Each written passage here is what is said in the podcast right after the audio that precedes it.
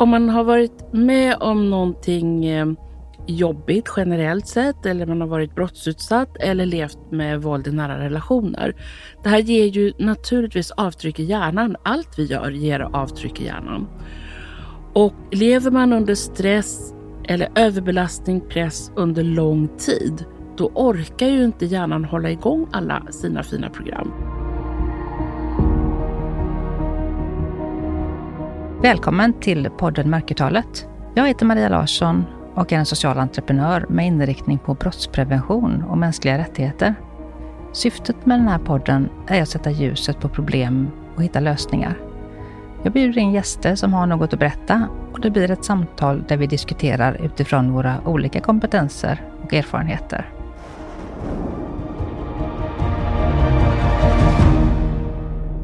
Hej på er kära lyssnare! Nu är vi åter i eten och eh, idag i mörkertalet så blir det åter Lena Skogholm. Varmt välkommen! Tack så jättemycket! I förra avsnittet pratade vi ju kring bemötande och eh, hur viktigt det är för de brottsutsatta och att det är ett potentiellt arbetsredskap för professionella. Och det borde inte vara potentiellt utan det borde vara ett arbetsredskap. Bland de viktigaste arbetsredskapen. Tänker jag, jag tänkte nästan säga ett väldigt potent ja, arbetsredskap. Exakt, faktiskt. Ja. Något som skapar både läkning och möjlighet att eh, hantera frågan ännu bättre med fler perspektiv. Precis. Ja. ja. Men idag ska vi faktiskt prata om Livskoden enligt hjärnan som är din senaste bok fram till idag. Och eh, berätta om den. Vad handlar den om? Den handlar egentligen om hur eh, vi kan samarbeta med hjärnans förutsättningar för att inte slita på hjärnan, vilket vi ju gör väldigt mycket i vår tid.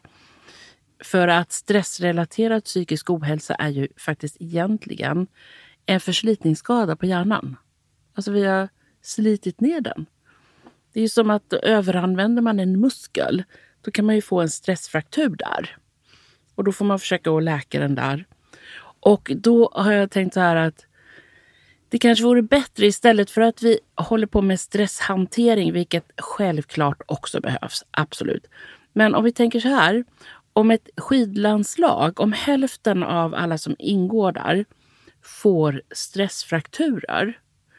Ska de satsa på utbildning för att hantera stressfrakturer eller ska man satsa på utbildning för att lägga upp sitt idrottande och, och idrottsliv så att man slipper stressfrakturer.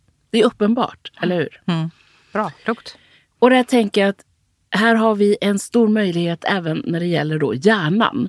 Hjärnan kan ses som en muskel på det här sättet. Det är ju ingen muskel så bokstavligen, men både muskelceller och då neuroner, hjärnceller, har det gemensamt att de formas utifrån vad det vi gör med dem. Det vill säga att hjärnan är lika formbar som muskler på kroppen. Med andra ord. Och här finns det stora möjligheter då att istället för att slita på hjärnan samarbeta med den så att man bygger den stark skulle man kunna säga. Men det handlar också om att den är välbalanserad för att det ger ett välmående.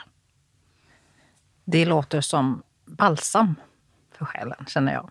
Och kopplingen då varför jag vill prata med dig om just det här, det är ju för att brottsutsatta de mår inte så bra. Och det här gör de under väldigt lång tid.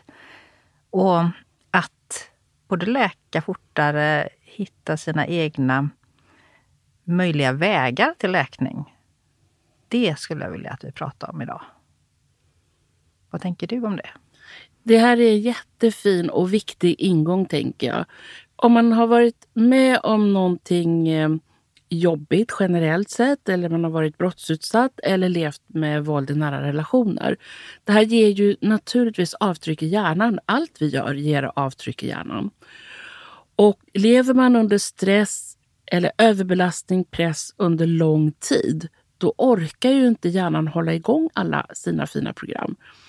Man skulle kunna säga att förenklat att precis som våra mobiltelefoner, om batterinivån blir låg, då kan man ju få en avisering på många telefoner. Om det kanske står så här att endast 10% kvar av batterierna vill du aktivera energisparläge. Lite på samma sätt, om jag blir dränerad på energi, och det här är lite oavsett vad, men det blir så uppenbart om man är med om något svårt eller varit utsatt för press under lång tid.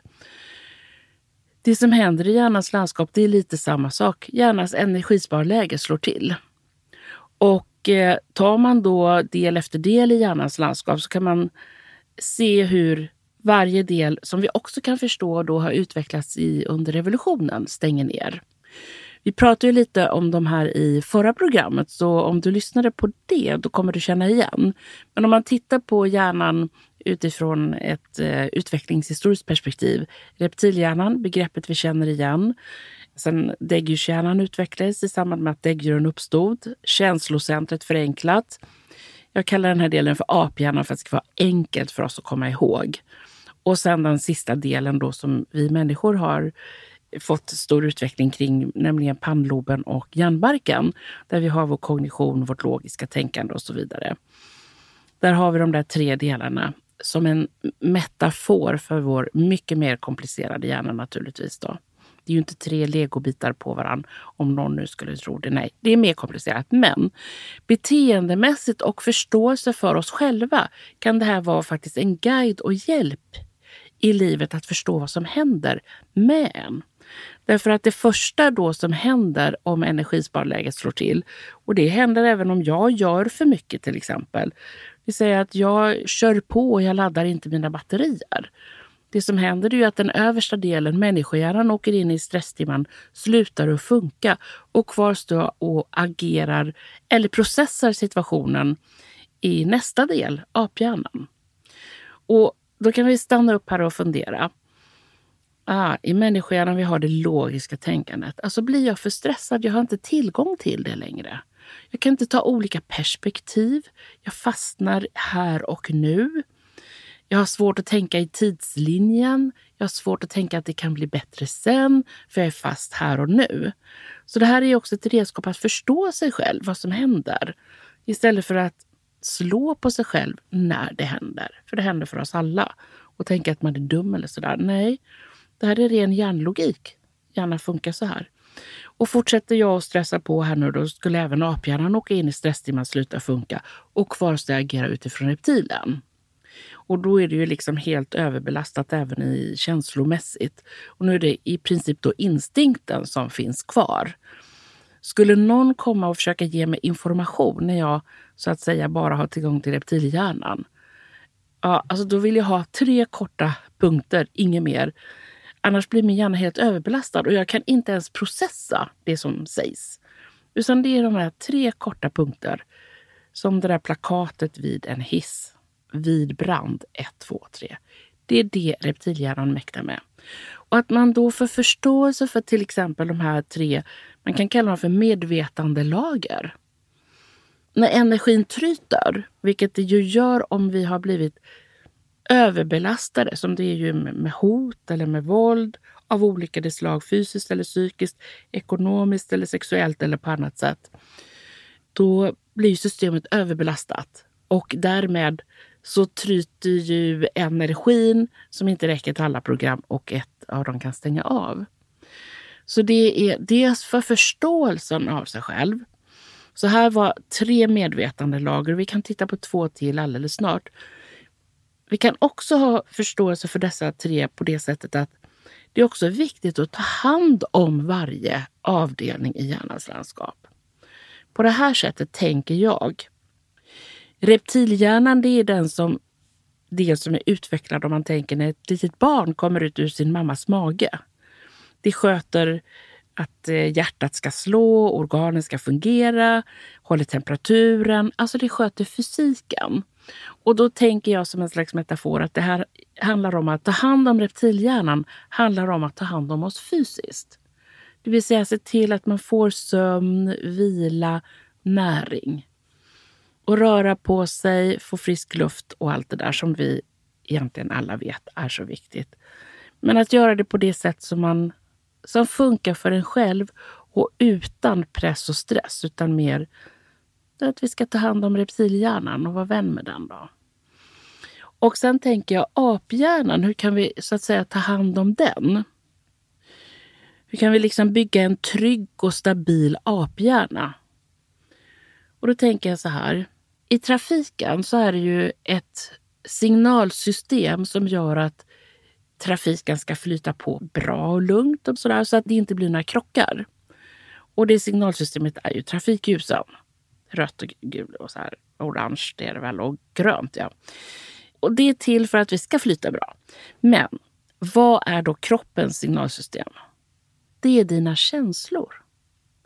Känslorna har utvecklats under liksom, ja, egentligen miljontals år från de mindre organismerna och sen i hundratusentals år i alla arter helt enkelt och sen även hos oss människor. Och syftet med känslorna det är att de ska signalera så att den här organismen ska överleva på bästa sätt. Och då funderar jag lite generellt sett i vårt samhälle. Kan det vara så att vi har blivit lite mer av såna här huvudfotingar? Vet sådana här som barn ritar i en viss ålder. Det vill säga, vi tänker väldigt mycket och springer fort. Och så glömmer vi av att känna hur det känns. Har man dessutom kanske levt med våld i nära relationer kanske man har stängt av den här avdelningen. För att det har blivit för smärtsamt att känna allting, så man bara stänger ner det. Därför är det faktiskt väldigt läkande att börja våga lyssna till sina känslor. Och det kan ju vara, dels har vi de här i vardagen som dyker upp varje dag. Typ, jag känner mig trött. Ja, då behöver jag signalera att jag behöver sova. Eller jag kanske känner att hjärnan är liksom snudd på överbelastad. Det signalerar att du behöver vila din hjärna. Eller det kurrar i magen, vi behöver äta. Men det kan också vara att när man kommer dit, men det är något som inte känns bra. Sen är det samtidigt då väldigt lurigt med känslor. Därför att känslor skapas. Exempel på det. Jag hade då i min uppväxt tillsammans med min familj, då hade vi ofta lite olika husdjur och bland annat hade vi en hund. Jag brukar alltid klappa den där hunden när jag kom hem från skolan och jag tyckte den var så gullig. Men en eftermiddag när jag kommer hem och sätter mig där på köksgolvet och klappar vår hund Käti som var en blandras, svart med strävhårig päls och stående öron. Så hugger hon mig rakt i ansiktet. Någon millimeter från ögat. Mm. Så blodet bara forsade. Och sen var det att åka till sjukhus och få stelkrampsspruta. Vad händer efter det? Jag blir hundrädd såklart. Då. Hur som helst, sen växer jag upp, jag får själv barn, jag försöker skärpa mig ifall vi möter hundar. Men hundrädslan hos mig själv sitter i då. Och när jag tog promenader i närheten av där vi bor, det är väldigt mycket hundar faktiskt i närheten. Jag kunde ju se hundar 200-300 meter bort. Så att om jag såg en hund, då var ju min blick fastnaglad på dem, för jag skulle ha koll på att de var kopplade och sådär. Så kom jag närmare. Jag såg att de stod väldigt stilla, men jag släppte inte blicken. Så kom jag närmare. Så såg jag att det var en buske eller en sten. Alltså det var så mycket saker som omrörde till hundar. Sen i alla fall så vill min dotter ha hund. Hur som helst, lång historia. Kärleken till dottern övervann min rädsla. Den största hunden jag kunde tänka mig det var ju en cockerspaniel. Så att ett och tre så hade vi en supersöt cockerspaniel hemma. Sen vid ett litet svagt ögonblick, eh, eller möjligen starkt beroende på hur man ser det, så hade jag lovat dottern två hundar. Och hennes älsklingshund sen hon var sju år, det var ju en mastiff. Och för den som inte riktigt vet vad en mastiff är så är det ju en väldigt så här ergonomisk hund, för man behöver inte böja sig när man klappar den. Den är ganska stor med andra ord. Kan du se mig sitta i vardagsrumssoffan med en cocker spaniel i knät och mastiffen kind mot kind? Det här är ett sånt tydligt exempel på hur känslor skapas. Förut när jag såg hundar jag var livrädd. För mina erfarenheter var du kan aldrig veta vad en hund gör. Ett och tre kan den attackera dig. Men nu när jag satt där i soffan och, och myser med hundarna, då är ju mina känslor helt annorlunda i närheten av hundar. Nu är det så här, hundar är ju verkligen människans bästa vän. Åh, vad mysiga de är. Det vill säga förenklat, om vi tänker oss i mitten av hjärnan så sitter en del som heter insula. Och längst ner i insula så kan man säga att första sekreteraren, nu som en metafor förstås, sitter. Och hon antecknar allting som händer i kroppen. På nivå två, I mellersta Insula där sitter nästa sekreterare och antecknar allt som sker i min omgivning. Till exempel att det kommer hundar. Sen, högre upp i den här Insula, sekreterare 3, ska kolla av. Mm -hmm. Nu är det så här i kroppen och nu har vi stött på hundar. Hur ska vi känna och tänka om det? Och förenklat nu då, gå till aphjärnan. Hur ska vi känna om det här? Gå till människohjärnan. Hur ska vi tänka om det här? Så förut så skapades ju mina känslor genom att det här är livsfarligt, spring för livet när det kommer en hund. Och nu istället, åh vad mysigt, sitt kvar och mys. Så att på det här sättet, vi behöver lyssna till aphjärnan, till signalsystemet och samtidigt undersöka, är det här känslor som gagnar mig eller är det gamla erfarenheter som träder in? Precis. Där vill jag bara bryta in lite. För när man har levt med våld så är ju ens känslo och alarmsystem typ satt ur spel. Så det här är otroligt viktigt det du säger. För känslor är inte sanning. Utan känslor är en indikation på någonting som jag tänker att något man har varit med om, sitt bagage, överhuvudtaget oavsett var man befinner sig i livet så har man ju varit med om saker. Och det behöver inte vara så att man varit våldsutsatt överhuvudtaget utan det, man har bagage med sig och man tolkar situationer utifrån det och det ger en känsla. Men det är ingen sanning utan det är en indikation på någonting. Och som du är inne på där, att man behöver ju hämta hem den informationen och se, okej, okay, varför reagerar jag så starkt på det här? Är det liksom för att det är farligt eller är det för att det är något som jag har med mig eller någonting? Vad ska jag göra? Behöver jag kanske bearbeta min känsla av den här situationen eller är det situationen som är farlig? För där är det väldigt många våldsutsatta som går vilse i det här. Man skärmar av sig, man, man blir rädd för andra människor, man, man stänger in sig hemma, man vågar inte gå ut. Och det är otroligt många fallgropar som man hamnar i därför att man hamnar fel i känslan kring det här. Man tolkar sin egen känsla som att det är farligt med, med olika situationer som faktiskt inte är det. Så mm, du förklarade väldigt bra, måste jag säga. Mm, vad fint att höra. Jättebra. Och här tänker jag också att vi ser ju egentligen inte verkligheten som den är. Utan vi uppfattar verkligheten som vår hjärna är. Det är det som är grejen. Så när vi reagerar på någonting, då är det egentligen vår hjärna vi reagerar på. Hur den funkar i det sammanhanget. Och det är därför det är ändå så viktigt. Vi behöver ju lyssna på signalsystemet. För enda sättet att uppdatera de här modellerna vi har av världen, som då finns lagrade i vår hjärna.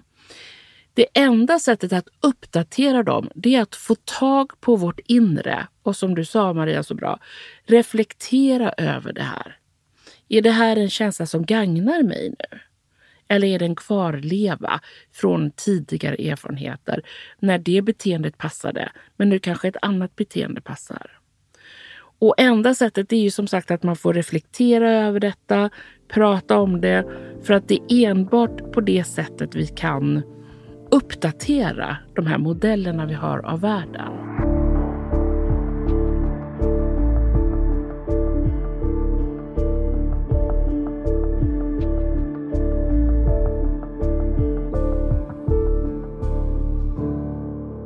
En annan fallgrop är ju också att eh, vi var inne på det här med att man kanske stänger av sina, sina egna känslor och inte riktigt vet vad vill jag? Vem är jag? Vad har jag för behov? Det är ju en dimension av det här att vara våldsutsatt. Men den andra dimensionen som man faktiskt pratar väldigt lite om, det är att jag faktiskt, jag har ju stängt ner mina känslor, men det innebär ju också att jag kanske har låtit den andra personens känslor invadera mitt liv. För mig tog det fyra år innan jag började tänka mina tankar först, före mitt ex. Alltså fyra år efter att jag lämnade. Tog det fyra år innan jag vågade tänka mina egna tankar. Det var inte så att jag inte visste vad mina tankar var eller känslor eller så här. Det var bara det att jag vågade inte tänka det för jag visste hur han funkar. Så jag hade det hela tiden med mig. Jag var så programmerad i att okay, om jag gör så här, om jag tänker så här, gör så här, säger så här, träffar den här personen, då kommer han att agera eller tänka eller göra på det här sättet. Det tog så många år för mig mm. att programmera om mig själv och då var jag ändå aktivt i att jag tänkte att jag måste omprogrammera mig själv. Det är väldigt många som inte gör det. De går hela livet igenom efter att man lämnar och har de tankebanorna kvar kring att mina känslor är inte mina, utan jag upplever någon annans istället. Mm. Vad tänker du när du hör det? Jag tänker att det är som ett mentalt och känslomässigt Nordkorea. Mm. verkligen. Förlåt, skrattar men... Det är en diktator som har bestämt hur du ska tänka och känna. Och så, de mekanismerna är ju också i sekter till exempel, eller väldigt slutna sällskap där eh, ja, man inte får tänka själv helt enkelt. Och här gäller det att frigöra sig från det. Och det här är det luriga med hjärnan. För å ena sidan är hjärnan extremt formbar. Precis som jag nämnde, lika formbar som muskler på kroppen. Och eh, någon hjärnforskare sa att hjärnan är som gelatin. Det vill säga, gelatin gör man ju gelé av. Gelén får ju den formen som det glaset man häller upp det i. Då. Och samtidigt så kan tankebanor vara nästan som fastkedjade innan man kan lämna dem. Och jag säger bara skam den som ger sig. Här gäller det att eh, slå sig loss från de här och det är lättare sagt än gjort. Men att möjligheten finns eftersom hjärnan är ändå så formbar. Så det finns alltid hopp att slå sig bort från det där. Och här tänker jag också att ta hjälp av omgivningen. Att också hur ska jag säga, att våga vara i sammanhang som är trygga. Där man kan känna trygghet. Och det kan ju vara att det är ett intresse man har, så att man samlas bara för det där intresset. Sjunga i kör till exempel. Då är det ju bara körsången. Mm. Inget annat farligt liksom. Och känna en trygghet, en gemenskap, tillhörighet. För är det någonting då som aphjärnan också har starkt behov av, det är ju tillhörigheten. Och det är ju inte konstigt med tanke på att de här delarna formades i när flockdjuren, de första däggdjuren som var flockdjur skapades. Alltså relationer är så viktiga. Så har man då mycket negativ erfarenhet av relationer, då är det inte konstigt att aphjärnan är liksom superkänslig och lätt sårbar. Och även misstänksam. Men att våga ta ett litet steg framåt. För generellt sett, även om man inte tror det, om man har varit med om jobbiga saker, så vill människor väl för dig. Att våga ta ett litet steg i taget. Och sen om vi ska också titta på nästa avdelning i hjärnan, apropå de här tre avdelningarna, då, människohjärnan. Hur kan vi ta hand om den? Och här gäller det att inte överbelasta den främst då. Att inte slita på den i onödan och bara köra på så man blir sådär supertrött i huvudet och tankarna bara står still. Utan det är ju den där saken som vi alla kanske försöker få till i vardagen. Att få små återhämtnings andpauser. Man kan säga att människohjärnan och inte minst det, då de senast utvecklade delarna där som är riktigt en spjutspets för allt vi gör när vi planerar saker, tänker strategier och så vidare. Den delen har extra dyrbara celler. Därför att de har så hög ämnesomsättning och därför tar de så mycket energi. Inte konstigt man kan bli trött när man det tänker mycket. Jag. Mm. Japp. Så grejen är att människohjärnan, då, vårt logiska tänkande, är egentligen en sprinter. Inte en maratonlöpare. Men jag undrar kanske om vi använder den som en maratonlöpare. Men hur kan vi hantera den här sprinten? Låt sprinten få vila. Liksom. Låt den få hämta andan så är den på igen. Och Det kan vara genom att ta korta pauser. och Här tänker man få själv fundera över vilka pauser är bra för mig. Mindfulness och meditation är bra för många. Det kan vara knepigt om man har traumatiska saker med sig. Så här, det är bäst att tänka själv. Vad ger min hjärna avkoppling? När kommer jag ner i varv? Det är det vi behöver hitta. En kompis han gillar att sitta och spela gitarr och bara så här flyga bort i musiken. Någon annan gillar att ta en promenad. Någon annan gillar att putsa på bilar. Man får hitta sitt liksom. Sen kan vi också ha människohjärnan, tänker jag, som en samarbetspartner. Och då tänker jag på det här sättet. Människohjärnan står ju för logiken i sammanhanget. Så hur kan jag ha det här som min samarbetspartner? om man möter någon som man tycker liksom, åh gud vad otrevlig hon eller han lät eller sådär. Och nu tänker jag mer på ett generellt plan, kanske inte om man möter en myndighetsperson man har kontakt med. Då kan man ju använda människorna som en samarbetspartner, att man kan tänka logiskt om situationen istället för att dras med i känslan. Nej men vänta, personen kanske är ny på jobbet. Personen kanske har inte sovit så bra i natt. Och det här, då kanske någon säger, ja men han kan väl skärpa sig ändå. Ja men det här hjälper dig och det är ju det som är grejen. Det är det som är grejen. En annan ganska rolig sak som en vän till mig berättade om hon är ganska insatt i de här olika sakerna och vi arbetar tillsammans. Och eh, sen berättade hon att det var en fredag eftermiddag. Hon hade jobbat jättehårt hela veckan och var supertrött när hon kom hem på eftermiddagen. Och hennes man hade ju också jobbat jättemycket och var rätt stressad. Då, men han var, hade hunnit hem i alla fall. Hon kommer hem och ni vet om hur man går in genom dörren när man är supertrött och superstressad. Äntligen ska få slappna av och det helg. Ja, så var hon när hon kom innanför dörren och så säger hon till sin man där Bosse. Ja, hej. Ett trött hej, du vet sådär som man kan låta. Vad får hon för svar tillbaka? Ja, ett likadant. Hej. Och hon var en nanosekund från att liksom bara reagera på det här och säga nej men gud vad du låter sur och jag har faktiskt jobbat hela veckan. Och du vet den här tjafsspiralen som kan vara igång då. Men hon hinner tänka och det här tar ju mindre än en sekund. Nej men vänta, jag kan det här. Hon är insatt i massa olika saker i hjärnans landskap, psykologiskt, ja, mycket. Jag förstår, vi smittar varandra och jag hamnar nu i aphjärnan och eh, nej, hinner hon säga till Bosse. Och så säger hon så här, vi börjar om. Så går hon ut genom dörren, stänger ytterdörren, öppnar den på nytt och säger glatt, vänligt. Men hej Bosse! Vad får hon för något svar tillbaka? Exakt så, samma.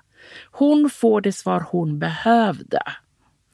Då kan ju någon kanske invända, ja men måste man hålla på och tänka så här på andra? Men grejen är att när vi gör på det här sättet, det blir bättre för dig själv. Och det är exakt det som är poängen här.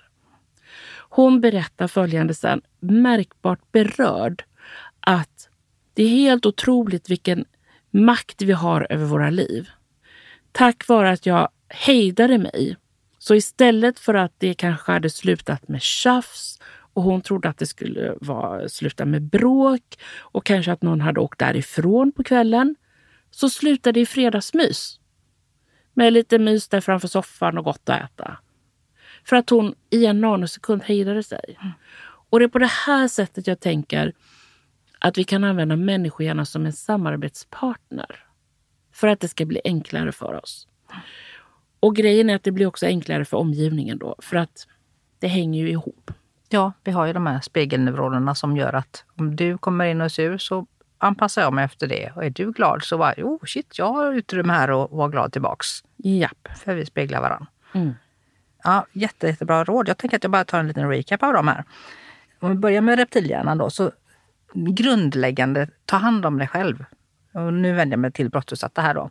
Ta hand om dig själv, se till att du må så bra som du kan göra. Fysiskt, psykiskt, alla de här parametrarna. Och kan du inte ta alla, för jag vet att det är svårt, så välj någon då. Se till liksom att du kanske har det fint hemma. Och kan du inte ha fint hemma i hela huset så ta det en liten del av hemmet. Ett rum, någon plats som du känner att mm, här kan jag vara. Liksom. Och tankar och känna mig trygg. För att just få den här grundtryggheten. För det är reptilhjärnan då, att man ska ha en väldigt, väldigt grund, grundtrygghet i det. Reptilen vill ju ha trygghet mm. och säkerhet. Ja, precis. Mm. Eh, och aphjärnan då, där är det då känslocentrat och där vi flockdjur. Så att vi behöver känna oss trygga och säkra i, med varann. Och tanka med de människorna då som är bra för dig. Så du ska vara med människor som är bra för dig. Och se till liksom att ja, bara vara helt enkelt utan att krav på prestation eller så. Utan gör det som du tycker känns bra och var med dem som du kan bli smittad av med deras lugnhet, trygghet, vänlighet och allt det här. Och människohjärnan är då lite överväxel vad gäller att där kan du faktiskt göra saker. Du kan måla, göra kreativa saker, ha samtal med andra människor som är kanske på en annan nivå för att tanka, vad ska jag säga, tanka livet. Kan man säga så? Människohjärnan står ju för den logiska kognitionen. Mm. Alltså mm. vi kan tänka och reflektera om saker. Mm.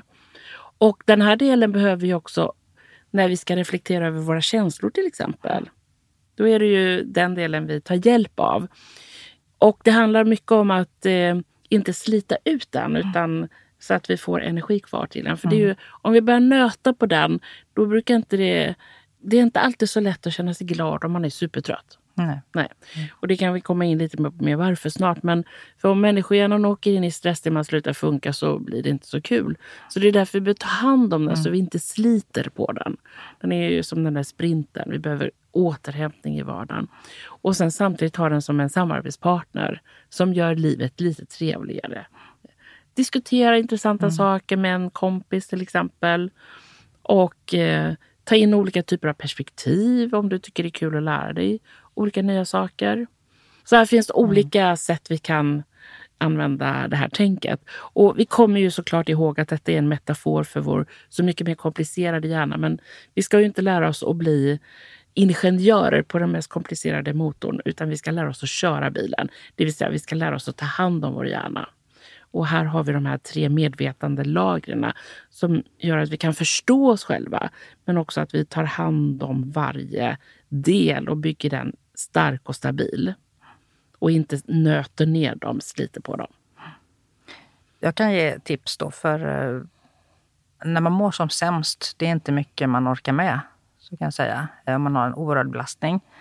Och man får ju väldigt ofta rådet att ja, du ska ta hand om dig och du ska ja, men, gå ut och gå eller motionera och så. Och när man mår som sämst, då kan man inte ens göra det.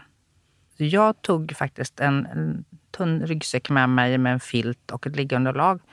Gick ut i bergen eller skogen om man har nära någon skog och la mig bara ner och rullade ihop mig i den här filten och bara tittade på himlen.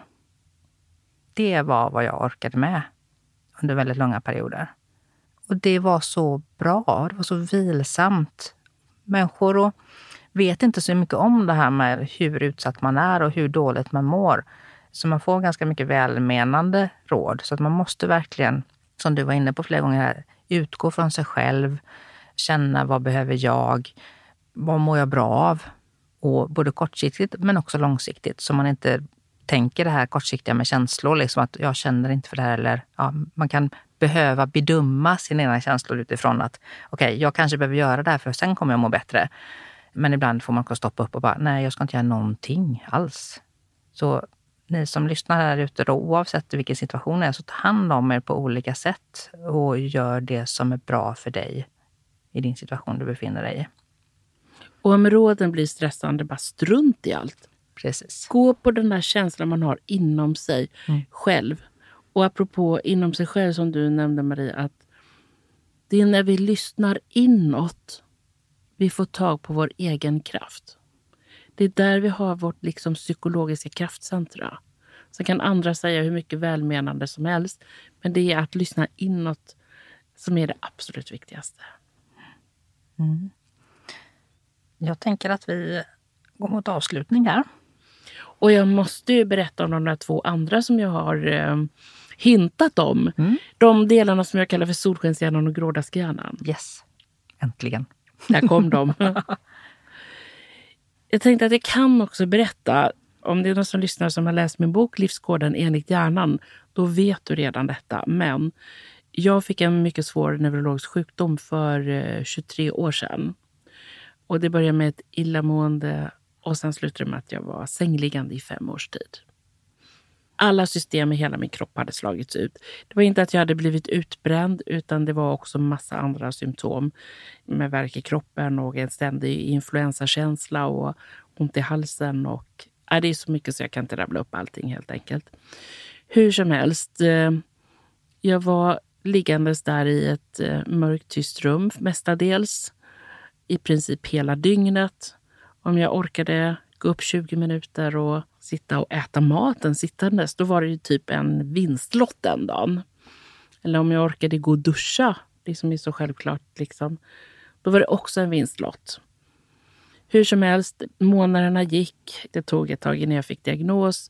Då tänkte jag, men vad bra, då kan man göra någonting. Men då visade det sig att det fanns ingen behandling för den här sjukdomen. Och jag tror att det är lätt för alla att förstå att eh, det är lätt hänt att det blir ett grått mentalt brus i huvudet. Hela mitt liv hade tagits ifrån mig. Allt. Jag låg där i det där rummet Och sen vet jag att det var en dag, och det här kom ju säkert som någon slags överlevnadsstrategi. Jag sätter mig vid köksbordet, jag lyckades sitta upp. Bra, bara det då. Men jag vet, det kom spontant men också väldigt, väldigt medvetet på någon nivå. Och jag säger högt till mig själv att jag får tänka på allt jag inte kan göra. Och så la jag en hög på bordet för jag gestikulerade som om jag riktigt skulle förstå vad jag sa till mig själv. Jag kan tänka på allt det här och det var ju jättemycket, nästan allt i mitt liv. Och jag förstår också att det här kommer leda till att jag känner på ett visst sätt och det kommer också faktiskt ta energi från mig. Eller sa jag lika högt och gestikulerade och la en hög på andra sidan som var då betydligt mindre. Jag kan tänka på allt jag kan göra. Och i det här fallet så var det ju, ja, jag kunde i alla fall duscha själv. Jag behövde ingen hjälp med det. Jag kunde äta själv. Det var ju bra. Jag hade en man som var snäll som åkte handla. Jag hade ändå en skön säng, sköna lakan. Alltså du ser, jag, det är ju liksom med mikroskop jag letar efter någonting som är bra. Och jag tänker så här, jag får också tänka på det här om jag vill. Det är helt upp till mig. Det är jag som bestämmer vad jag vill tänka över. Och jag förstår att det kommer vissa konsekvenser. Och där och då så, det blir som ett battle mellan dessa två. Det var ett, som ett halmstrå att hålla sig fast vid att tänka på det som jag kunde göra. Och eh, om vi då kopplar det här till solskenshjärnan och grådaskhjärnan. Här har vi professor Richard J. Davidson. Han undersökte hur känslor uppstår i hjärnans landskap och började faktiskt redan i mitten av 1970-talet. Och flera studier, både hans och sen har ju flera tillkommit, visar att när vi har positiva känslor lyses det upp ett område på vänster hjärnhalva. Och när vi har negativa känslor lyses det upp ett område på höger hjärnhalva. Och nu då bara för att det ska vara enkelt att prata om och relatera till, jag kallar dem för solskenshjärnan och grådaskhjärnan. Det var ju som ett battle mellan min solskenshjärna och grådaskhjärna när jag satt där vid köksbordet. Och med det här sagt så vill jag ändå visa på, det här är ju som två medvetande lager skulle man kunna säga. Vi kan se livet genom grådaskhjärnan och vi kan se livet genom solskenshjärnan. Och nu menar jag absolut inte att man liksom ska tänka, åh foten i kläm, jajamän jag kör och vara så här överdrivet jobbigt positiv. Det är inte det det handlar om. Utan det här är två funktioner vi har i hjärnans landskap. Och vi ska också förstå hur de funkar för att det hjälper oss att förstå oss själva och kan hjälpa oss att bygga välmående.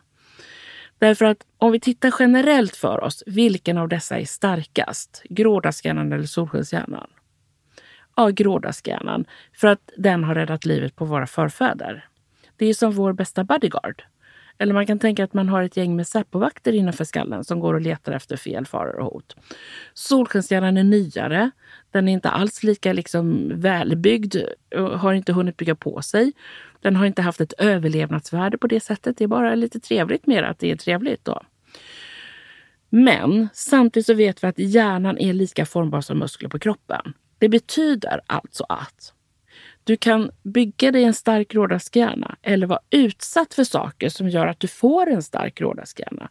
Är man utsatt i brott eller våld i nära, det är klart att det här bygger på. Du har varit med om något hemskt. Din bodyguard måste hjälpa dig nu. Det bygger den delen. Solskenshjärnan, den svagare delen, den får lite mindre näring. Men här kan vi då göra en insats för oss själva att förstå de här delarna. Och återigen, det första vi ska göra är att vi får känna det vi känner och vi får acceptera det vi känner. Så det handlar inte om att förtränga någonting eller det är ju som att man ska försöka trycka ner en badboll, den här metaforen som kanske man har hört många gånger. Att, att trycka ner sina känslor, det är som att trycka ner en badboll i vattnet. Den flyger upp med världens fart sen. Så det handlar inte om det, utan man accepterar det som det är. Liksom. Och samtidigt så pågår det ju parallella historier i vårt liv. Som för mig. Jag satt ju det med två historier. Och frågan är bara vilken jag uppmärksammade. Som till exempel när du berättar att du tog med dig det här liggunderlaget och låg där ute och bara tittade på himlen. Alltså det är ju så mycket för solskenshjärnan, tänker jag. Att du gjorde någonting som var mysigt för dig. Och det är detta som är nyckeln för solskenshjärnan. Man gör någonting som gör att det känns lite bättre. Och steg för steg så kan vi då bygga en starkare solskenshjärna. Och det här finns ju hur mycket studier på som helst. Så att hjärnan är på det här sättet väldigt samarbetsvillig. Att när vi ger den där solskenshjärnan näring, mm, då växer den på sig. Så för min del, nu mår jag ju så mycket bättre, men för min del har ju det här varit en stor hjälp i min situation genom min sjukdom. Och jag har sett att det kan vara det för alla och det är viktigt för alla, men det är särskilt viktigt om man är eller har varit i en svår situation. Tack. Tack för att du delger det. Det är så viktigt att höra för någon som är både brottsutsatt men också i en svår livssituation, tänker jag. Att få höra att du har drabbats av en väldigt svår sjukdom som gjort att du lagt dig sängliggande i fem år. Som jag som har haft eh, många långa svåra tider liksom med brottsutsatthet och eh, vägen därifrån. Och att man mått så otroligt dåligt och att det går att komma igen efteråt. Det går att bli hel, helare, må bra och få ett fullvärdigt liv. Så det vill vi verkligen skicka med er lyssnare. Att det återta livet bit för bit. Gör det ni kan varje dag för att må lite bättre, bli lite gladare, stärk er själva och era barn om ni har några. Att det våga ta er an livet igen helt enkelt. Jag tror att det blir avslutningen för idag. Stort, stort tack Lena. Så fint att ha dig här. Tack själv Maria. Om du känner igen dig eller förstår att någon i din närhet är drabbad så finns det mer information om vart du kan vända dig i beskrivningen till det här poddavsnittet. Där finns även information för dig som tycker det här är viktigt och vill stötta den här podden, antingen via Patreon eller Swish. Vi hörs!